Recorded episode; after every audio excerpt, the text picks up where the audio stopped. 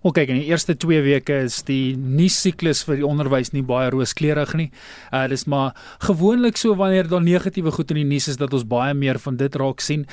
Ongelukkig die positiefes wat gebeur het in die laaste 2 weke is volop en um, wanneer ek met onderwysers werk, probeer ek hulle aanhits om kom ons kyk of ons nie hierdie positiewe nuus wat in elke klaskamer gebeur, bietjie meer duidelik en hard kan maak. Um so ek hou daarvan om te fokus op die positiewe wat gebeur het. As ons kyk na in talle skole in die land waar die opwinding vir die graad 8s en die van die graad 1s wat in die skole ingekom het, die ouers wat daarmee saam saam uh, uh, by die skole gearriveer het, daar's baie opwinding omtrent dit. Ongelukkig wel as ons kyk na die insident um, wat gebeur het met twee leerders wat verdrink het, dit is nou maar ongelukkig um, uh, uh, baie ernstige sake wat uh, die nuus siklus uh, uh, baie baie volop voor is en natuurlik nou hierdie plasing van ons leerders wat nog nie in die skole geplaas is nie.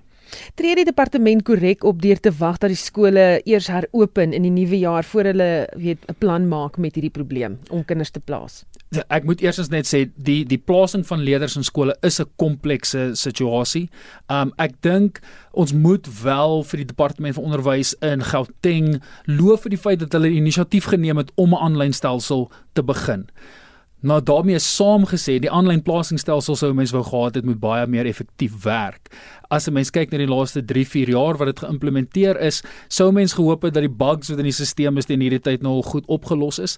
Maar as ek bietjie moet moet terugdink daaraan, ek dink nie dis so seer 'n sistemiese probleem nie. Die probleem lê met kapasiteit. Ons het eenvoudig nie genoeg skole om ons leerders te bedien nie. Ons het verskriklik baie leerders wat in skole geplaas moet word en ons het nie genoeg skole om daai leerders in te huisves nie. So uh, daai probleem gaan nie noodwendig met 'n aanlyn stelsel opgelos word nie.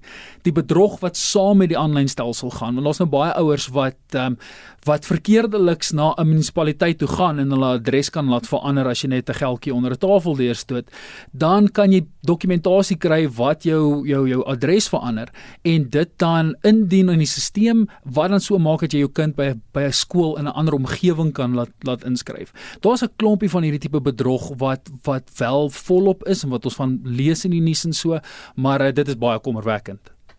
Nou, ehm um, wat sal die impak wees op 'n skoolkind byvoorbeeld as hy aan hierdie gebeure vasgevang is? Soos byvoorbeeld hy sit by die skool, hier is die betoging hier buite deur ouers, hy sien dalk van sy maatjies wat daar buite saam moet staan en wag om in die skool te kom. Wat sal 'n impak op 'n leerling wees? Kyk, daar's daar's twee kante van hierdie aspek. Ons moet eerstens dink aan die kind wat nie geplaas is nie. Die kind wat buite die skool is wat nie in die skool kan wees om opvoeding te kry nie, natuurlik veragter.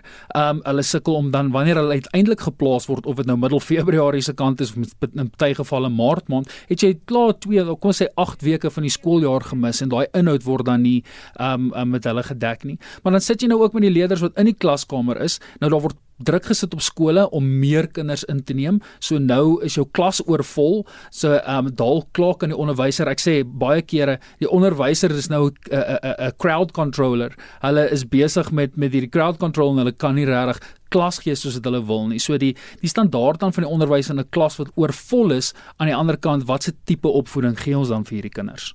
Ek wou net vir jou vra impak op 'n onderwyser en jy het nog 'n antwoord, maar wat is jou raad aan ouers wie se kinders nou by die huis moet wag tot hy 'n plek kry? OK, kyk, ons kan nie uh, die die stelsel noodwendig forceer nie en um, ons het nie beheer daaroor nie, maar wat jy wel beheer oor het is wat jou kind aan blootgestel word. Ek het in een van die berigte gesien, daar's leerders wat sê, nou word ons forceer om TV te kyk wanneer ek eintlik in die skool wil wees. Nou dit eerstens moet geloof word en dis dis dis baie goed.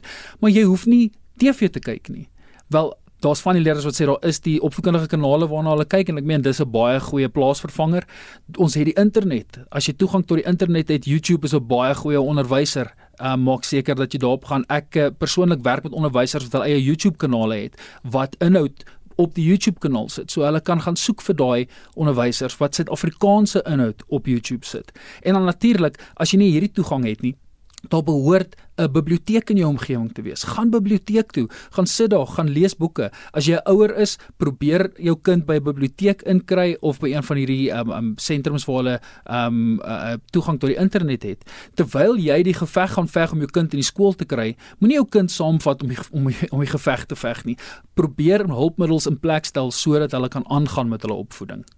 Baie dankie. Dit was Dr. Frans Janudee, benoemde onderwyser en navorsingsvernoot aan die Universiteit van Johannesburg se sentrum vir onderwyspraktyk navorsing.